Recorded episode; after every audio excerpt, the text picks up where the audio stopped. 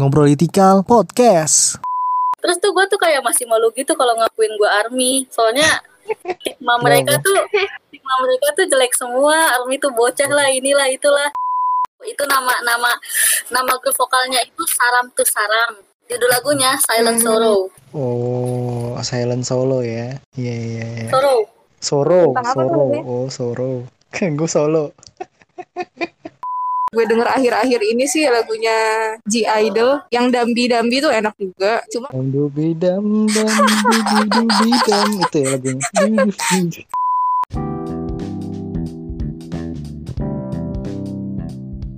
Halo semua, kembali lagi di Ngobrolitikal season 2 di konten eh, ngulik. Oke.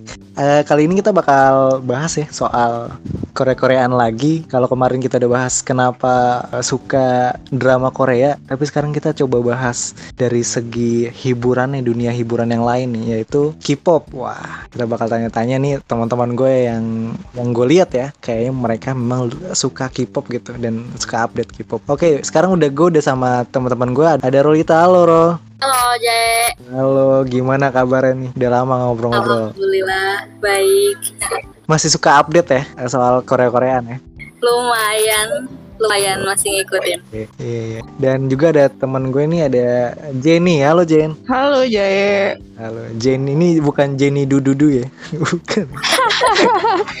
wah Keren ini Jenny yang berbeda debut Oke. akhirnya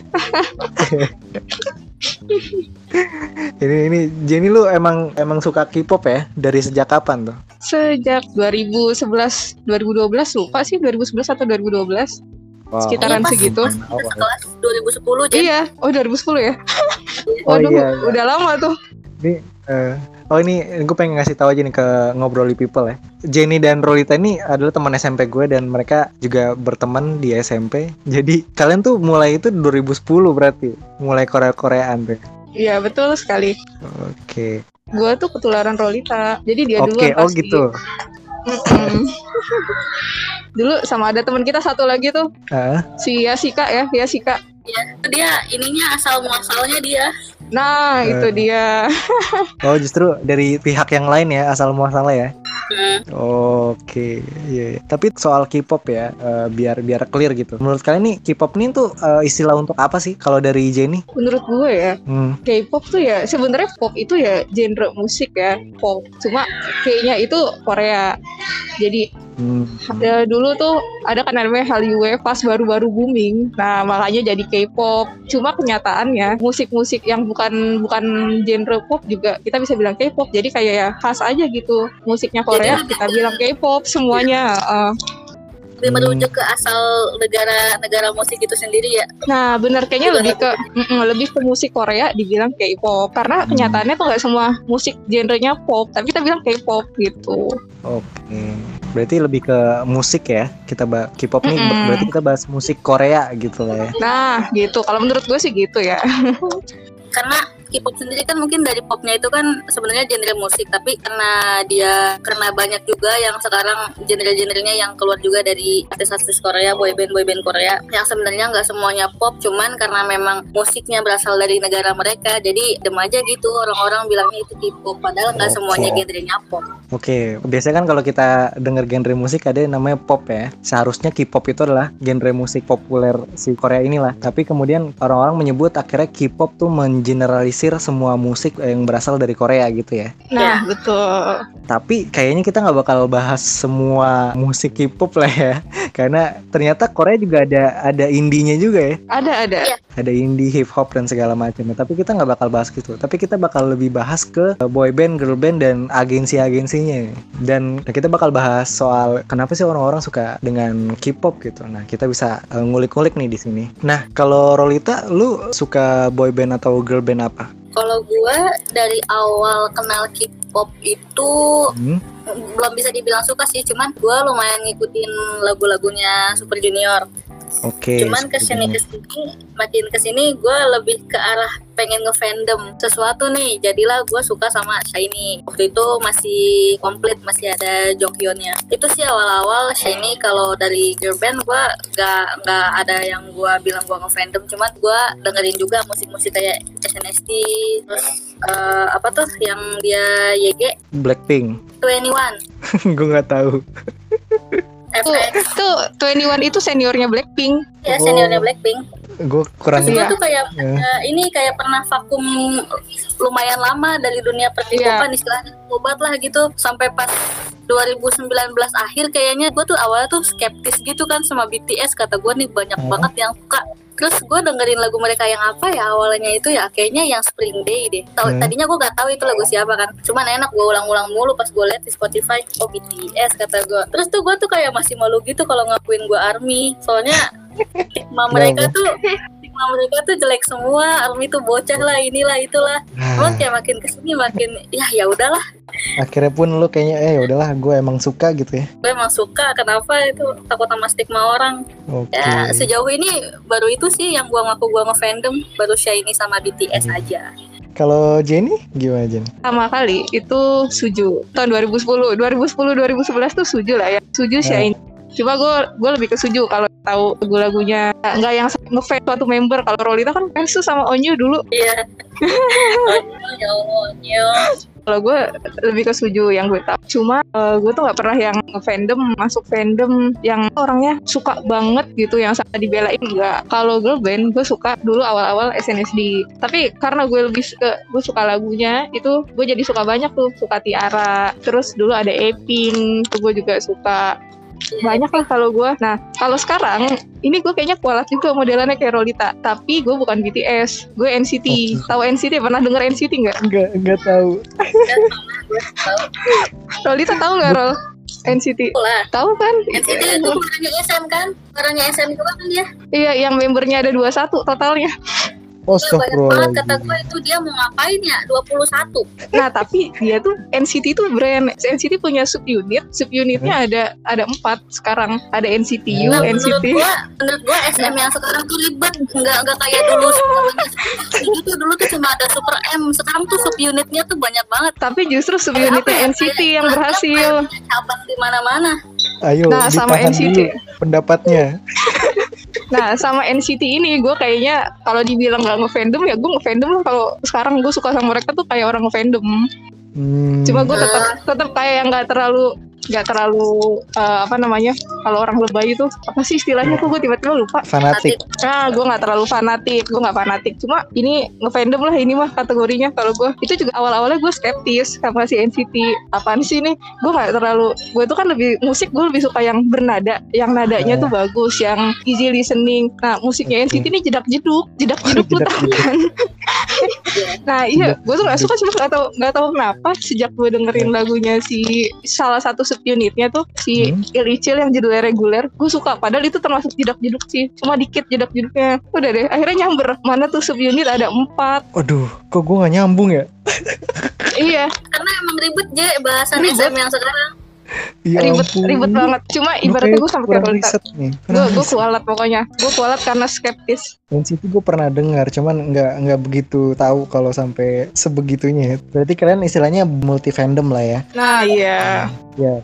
Tapi gue penasaran sih, kenapa kemudian kalian tuh tertarik gitu dengan K-pop gitu? Apakah cuman sekedar ikut-ikutan atau gimana? Kalau dari Jenny gimana? Lu suka Kalau kita kalau dibilang ikut-ikutan, gue kayaknya kurang setuju sih. Emang pertamanya itu ketularan. Cuma untuk membuat kita bener-bener suka dan stay, itu Hmm. pasti kita bener-bener tertarik dong. Oke. Kalau gue dulu mandangnya tuh kayak mereka tuh unik. Mereka nyanyi sambil nari, terus Hmm. mereka entertain, mereka rajin muncul di acara mana-mana gitu, dan mereka konsisten secara musik, secara prestasi, secara muncul di acara-acara. Kalau di Indonesia kan nggak ada yang bener-bener konsisten gitu dari zaman Hmm, dulu. ada nggak sih? Nah, jadi mereka tuh bikin kita stay juga karena mereka konsisten. Coba kalau mereka hilang, kita pasti juga agak lupa kan. Gitu. Istilahnya eh, Mereka tuh aktif, aktif ya? aktif, produktif, Uh, uh, produktif. Itu pasti itu, setiap hmm. paling nggak mm-mm, paling nggak setahun sekali pasti comeback. Iya, setahun sekali Oke, biasanya. itu itu yang menarik eh, dari dari K-pop menurut lo. Tapi kalau dari Rolita apa apa yang membuat lo tertarik dengan K-pop? apa ya? Gue dibilang ikut-ikutan enggak karena dulu tuh pas temen gue kenalin suju ke gue itu justru gue tuh kayak apaan sih? Oh lu suka sih kayak gitu semua mukanya sa- sama semua terus kayak aneh aja gitu. Dulu tuh lagunya apa ya? Kalau gak salah tuh yang Bona Mana kayaknya. Gue tuh kayak masih ngerasa asing gitu kayak laki-laki banyak nyanyi. Tapi emang lagunya yang Bona Mana tuh isi listening sih. Cuman pas ke sini ke sini tuh kalau gak salah waktu itu gue gak sengaja dengerin lagunya Shiny yang Hmm. replay. Itu ada satu satu line bagiannya si Onyu tapi waktu itu gue belum tahu itu Onyu. Terus kata gue suara siapa? Ganteng banget kata gue ya. Kayak pokoknya adem lah gitu. Dari situ gue langsung ngikutin kayak kalau Shiny itu membernya nggak terlalu banyak lagu-lagunya juga kayak lebih kalem gitu ya gue suka aja sih. Kayak itu kali pertama gue suka sama boy band. Dan mereka nggak kayak yang heboh gitu loh. Kalau Suju kan kalau comeback tuh kayaknya tuh kayak heboh-heboh banget. Kayak Mr. Simple. Kalau Shiny tuh Shiny tuh pernah heboh tuh pas di Lucifer doang deh. Ya gue rasa di Lucifer dia pernah pernah sempet kayak heboh Jadi kalau dari lu sendiri eh, suka karena apa karena musiknya aja?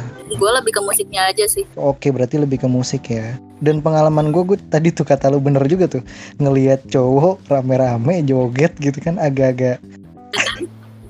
skeptis kan lo awalnya Gue merasa memang kalau boy band ya, kalau girl band mungkin eh, masih menurut gue masih oke lah. Ada bo ada cowok-cowok rame-rame joget-joget gitu. Itu agak agak gimana gitu ya. Dan pas kalian denger pertama kali emang kalian nggak nggak merasa aneh gitu dengan dengan tipe-tipe boy band dan girl band yang joget-joget terlalu aktif kayak gitu? Kalau dari Jenny? enggak sih Eh, enggak enggak gini pas awal-awal belum suka emang kayak apaan sih kayak begitu tapi tuh kalau udah sering nonton tuh lama-lama ya udah Ah. jadi biasa Oke. Kan kalau kita kalau kita lihat ya, istilahnya bu- bukan boy band lah, eh, cowok-cowok Mm-mm. rame eh, nyanyi gitu. Itu kan kayak Westlife, kemudian kayak nah eh, One Direction eh, One Direction. Kan- gak terlalu joget-joget Enggak, banget gitu grup, grup maksud gua. vokal boy band boy band yang grup vokal iya bukan ini Tapi konsepnya menurut gua dari situ dong. Masa mereka tuh konsepnya beda ya. Kalau kayak uh, grup vokalnya yang kayak One Direction, kayak Westlife, itu mereka benar-benar nyanyi semua. Maksudnya ya semua di boyband Korea juga semua nyanyi sih, tapi mereka punya posisinya masing-masing. Ada Ah. nih yang emang member yang kekuatannya tuh di vokal, jadi dia posisinya main vokal. Ada yang ngedance-nya jago banget, posisinya main Hmm. dancer pasti, tapi masih uh, biasanya suaranya nggak terlalu bagus. Bagus tapi yang nggak sehebat itu Hmm. suaranya. Ada yang posisinya nge-rap tuh. Nah itu yang Ah, uh, boyband boyband barat itu nggak nggak punya konsep kayak begitu. Jadi unik lah. Nah Oke, mereka tuh menariknya di situ bisa jadinya. menciptakan produk yang berbeda. Dan itu kalau kayak gitu ya orang tahu oh itu kayak uh, K-pop punya produk kayak gitu. Hmm. Sekalipun Indonesia pernah ngikutin, kita nggak bisa konsisten kayak mereka. Itu tuh udah bener-bener originalitas mereka lah. Iya, iya. Terus kalau menurut Rolita, lu pas ngelihat perbedaan itu, Rol?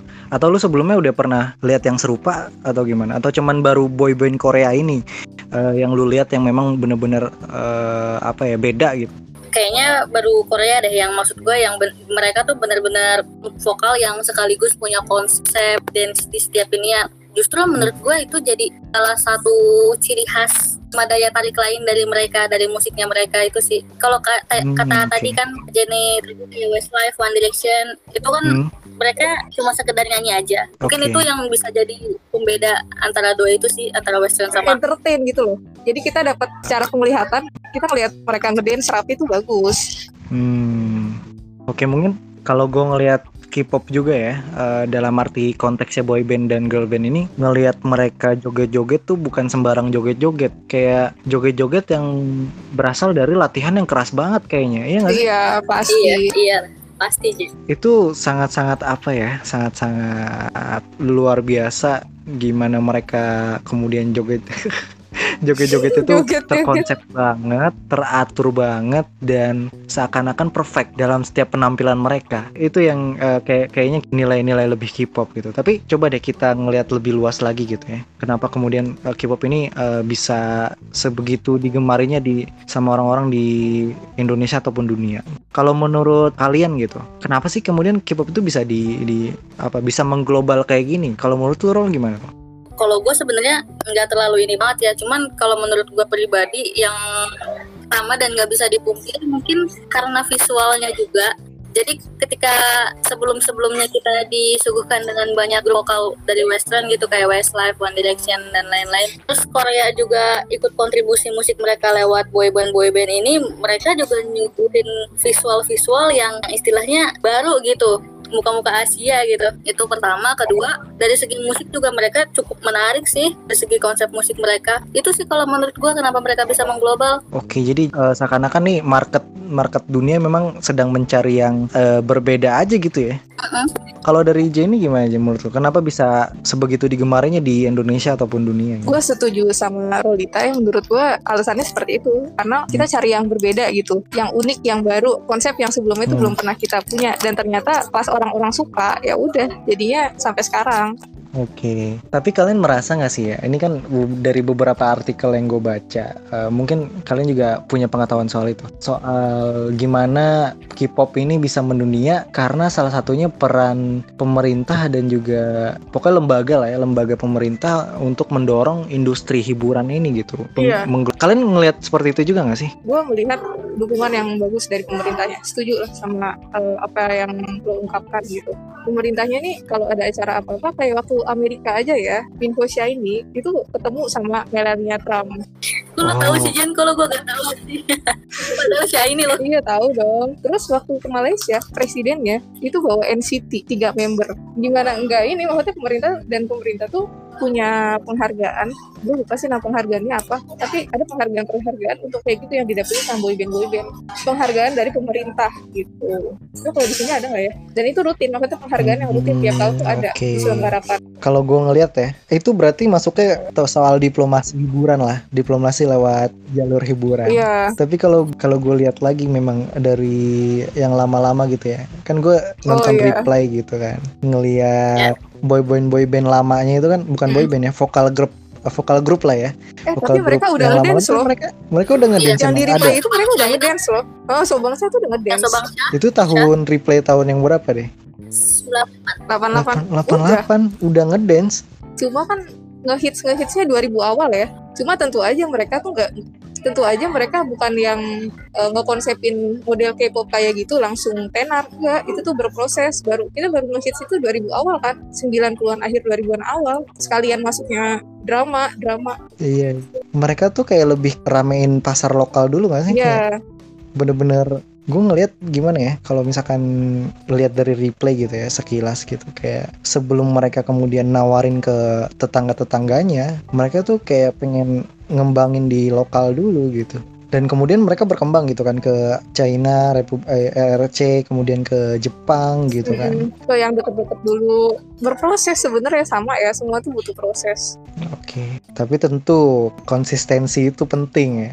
Nah, iya, dan dukungan dari pemerintah. Oke. K-pop itu kan ada banyak ya manajemennya. Dan dari tiap manajemen tentunya punya gaya tersendiri lah masing-masing entah dari visual dan perekrutannya dan segala macam. Nah, kalau kalian nemuin perbedaannya apa tuh di tiap-tiap manajemen? Kalau dari jadi gimana, Jen? Manajemen di K-pop itu dari dulu itu ada Big Three. Sebelum Big Hit nih sebelum ada BTS itu ada SM ada JYP sama ada YG atau YG mereka tuh bertiga itu punya ciri khasnya masing-masing. Dari segi musik dari segi visual dari segi cara mendidik trainee-trainee ya. Sebelum mereka jadi idol kan mereka trainee dulu. Nah visualnya SM nih lebih ke visual yang Korea tuh suka. Terus lebih ke visual-visual yang kita bisa bilang itu hampir gak nyata sih.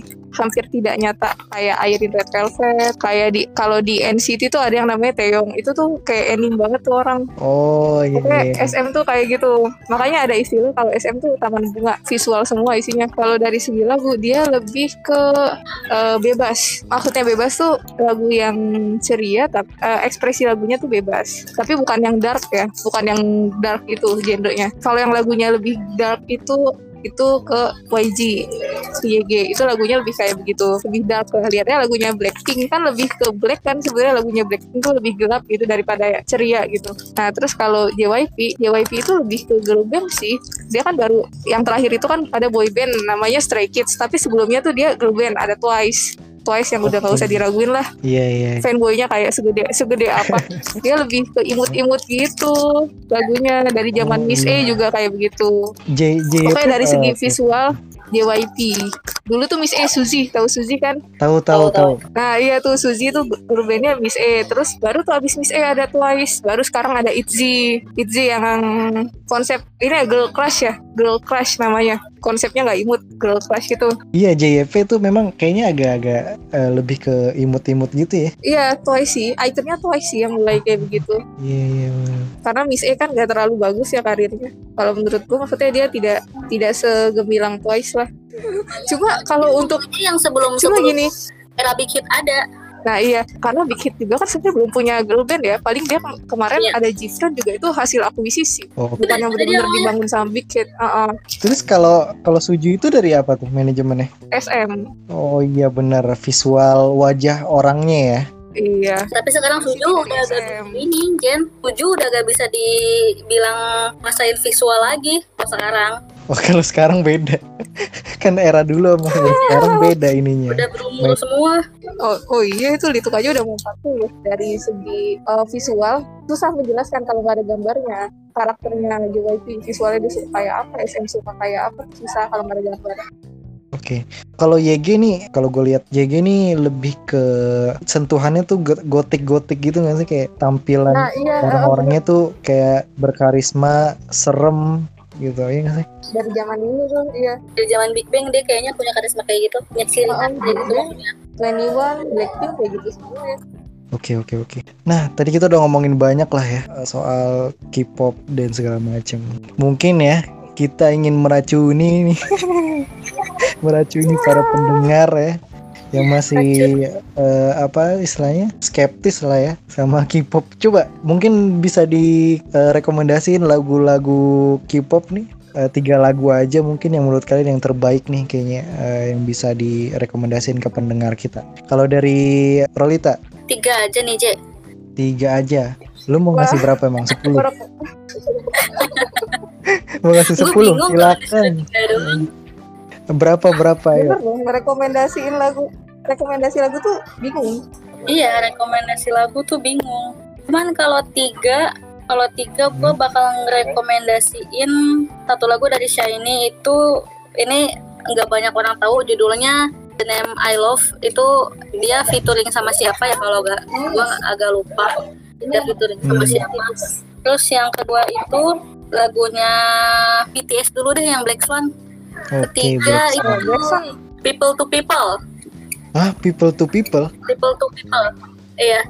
Dia grup vokal oh two gitu. people ya Dia grup vokal sih hitungannya. Oh, grup, grup vokal. Oh, people to people tuh nama grup vokal.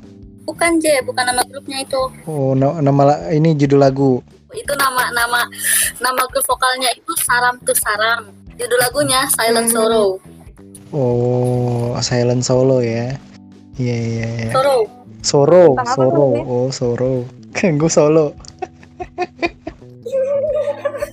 jadi Blackpink Oke. Kalau dari Jenny mungkin ada rekomendasi lagu-lagu Korea? gue sebenarnya sulit untuk merekomendasikan lagu Korea. Cuma kalau dari segi genre atau tipikal musik yang gue suka bisa. Cuma kalau lagu, Nah, karena gue lagi suka NCT, gue merekomendasikan lagunya NCT yang No Longer. no longer. Longer. Itu lagunya ya No Longer. Itu lagunya NCT eh, 127, 127. Itu kayak lagu orang putus lah. Itu bukan lagu yang jedak-jeduk ya yang gue rekomendasiin. Oke, itu tuh lagu lagu melo, yang- melo. Eh, ya, ya isi listening. Gue kalau reko- rekomendasiin lagu lebih suka yang kayak gitu sih. Iya, iya. biar orang tuh yang biar orang tuh Hmm. kalau jedak jeduk langsung kaget gak sih Iya. Mungkin ada yang enggak terlalu. biar semua ya semua orang bisa bisa dengar terus Ayu Ayu Ayu. tau kan Ayu? Iya. Apa itu? Iya. Ayu IU yang tulisannya IU Oh, IU. Ayu iya tuh sebenarnya lagunya eh, eh, Ayu tuh sebenarnya lagunya enak-enak cuma yang judulnya ending scene lu itu enak banget sih buat galau padahal gua nggak galau gitu tapi kalau dengerin lagu itu bisa ikutan galau Hmm, coba gue dengerin nanti.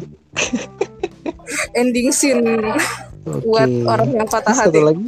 Hmm, coba dari apa ya? Dari dari girl band yang lagi gue denger akhir-akhir ini sih lagunya G Idol yang Dambi Dambi tuh enak juga. Cuma Dam bidam dam dudu bidam itu ya lagunya. Kamu coba dicari aja Dambi Dambi. makanya apa? Gitu. Main Itu lagu gue lagu lagu gue masih kecil itu. Iya iya iya iya. Oke, nanti tinggal dicari nih lagu-lagunya ya ngobrol di people. Oke, kalau gue rekomendasiin lagu Korea apa ya? Gue kurang-kurang begitu tahu ya. Tapi ada nih lagu nih. Tapi ada Ada nih BTS yang pasti ya. Apa aja? Gue tahu aja. DNA ya, yang lagunya iklannya Tokopedia ya. Iya, kalau kalian familiar sama iklan Tokopedia, pasti kalian juga demen tuh sama lagunya. Coba aja deh. orang pasti pernah dengar lagu DNA entah itu di toko buku ya atau di toko mana oh, mungkin dia nggak tahu kalau itu judulnya DNA Oh iya iya. Biasanya kayak gitu. Hah? Gue juga baru tahu tuh judulnya DNA. Eh, terus? Oh iya dari tapi dari BTS itu gue dulu sempat suka BTS pas dia tahun 2014an baru debut sih baru debut kan 2013 tuh. Pas zaman lagunya belum jedak jeduk kayak sekarang. Oh dulu-dulu banget gitu ya. iya oh, oh, pas dia baru debut. Lagu yang judulnya Haruman. Haruman tuh Just One Day tuh enak juga tuh enak banget. Yang mana Jen? Just One Day Haruman. Oh, Just One Day. Oke oke. Terus apalagi ya selain BTS ya? Eh, BTS lagi deng. apa? iya, apa ya? Oh bukan bukan BTS. Ini Icon Icon. hmm, enak-enak tuh Sarang yang hitam. Uriga mana? Love skenario ya. Coba udah udah kayaknya udah udah lumayan pasaran deh. Tapi coba aja dengar. udah lumayan. Love Scenario lu- lumayan booming sih. lumayan lumayan Terus satu lagi ini. Pokoknya nih ya, eh, Talk of You coba. Talk of You gue nggak tahu nih bener apa enggak sebutannya ya. Tapi cari John Park ya. Itu lumayan enak tuh gue suka tuh. biasanya kalau orang nggak suka K-pop terus ngerekomendasiin lagu berarti lagunya enak banget Enak sih, kalau menurut gue enak. Tapi nggak tahu. Coba aja didengerin. Pasti nggak tahu deh. Tergantung kalian dengan demen atau siapa. John Park. siapa John Park. Dia orang ini Amerika Korea. Kemudian pulang ke Korea akhirnya bikin lagu gitu. gue tambahin satu Apa tuh? band satu band bandnya Day6 tahu nggak Apa? Day6 D A Y 6 Day6 Oh Day Six. itu lagunya enak-enak Oke. yang sempet ini loh viral Dia yang sobat ambiar ya? jaksel Ah masa sih? lebih ke mana Dia bukannya lebih ke band ya? iya itu emang band Hmm, Nah, tapi kita bisa bilang itu K-pop lah. Bisa bisa. Ya nggak sih band tuh? Karena mereka mereka itu band semuanya nyanyi. Sambil main musik ada yang posisinya gitar tapi nggak nyanyi juga. Hmm, kan kalau di sini band itu kan vokalis ya sisanya backing vokal kan. Kalau ini mah enggak semuanya nyanyi Oke. punya porsi itu enak-enak lagunya Modelnya kayak The Dance Company nih di Indonesia. oh iya bener-bener cuma mereka membernya ada lima di sini, oke. semuanya Hmm. nyanyi ya kayak gitu Di situ semuanya. Tunggu aku, tunggu aku datang ke. Oke, oke kita udahin aja kayaknya. ya, oke ini itu aja obrolan kita kali ini. Terima kasih, eh, terima kasih Rolita dan Jenny atas sharing-sharingnya ya soal K-pop. Sama aja. Oke, iya gitu. sama-sama terima kasih juga loh akhirnya gue debut tapi maaf nih kalau misalkan kurang jelas oke atas segala kekurangannya oke. mohon maaf Oh iya iya. Terima kasih buat para pendengar yang udah dengerin dari awal sampai akhir. Eh, jangan lupa follow IG Ngobrolitikal di @ngobrolitikal dan kalau kalian ingin ngasih saran ataupun kritik tinggal DM ke eh, IG kita. Sampai jumpa di episode berikutnya. Bye.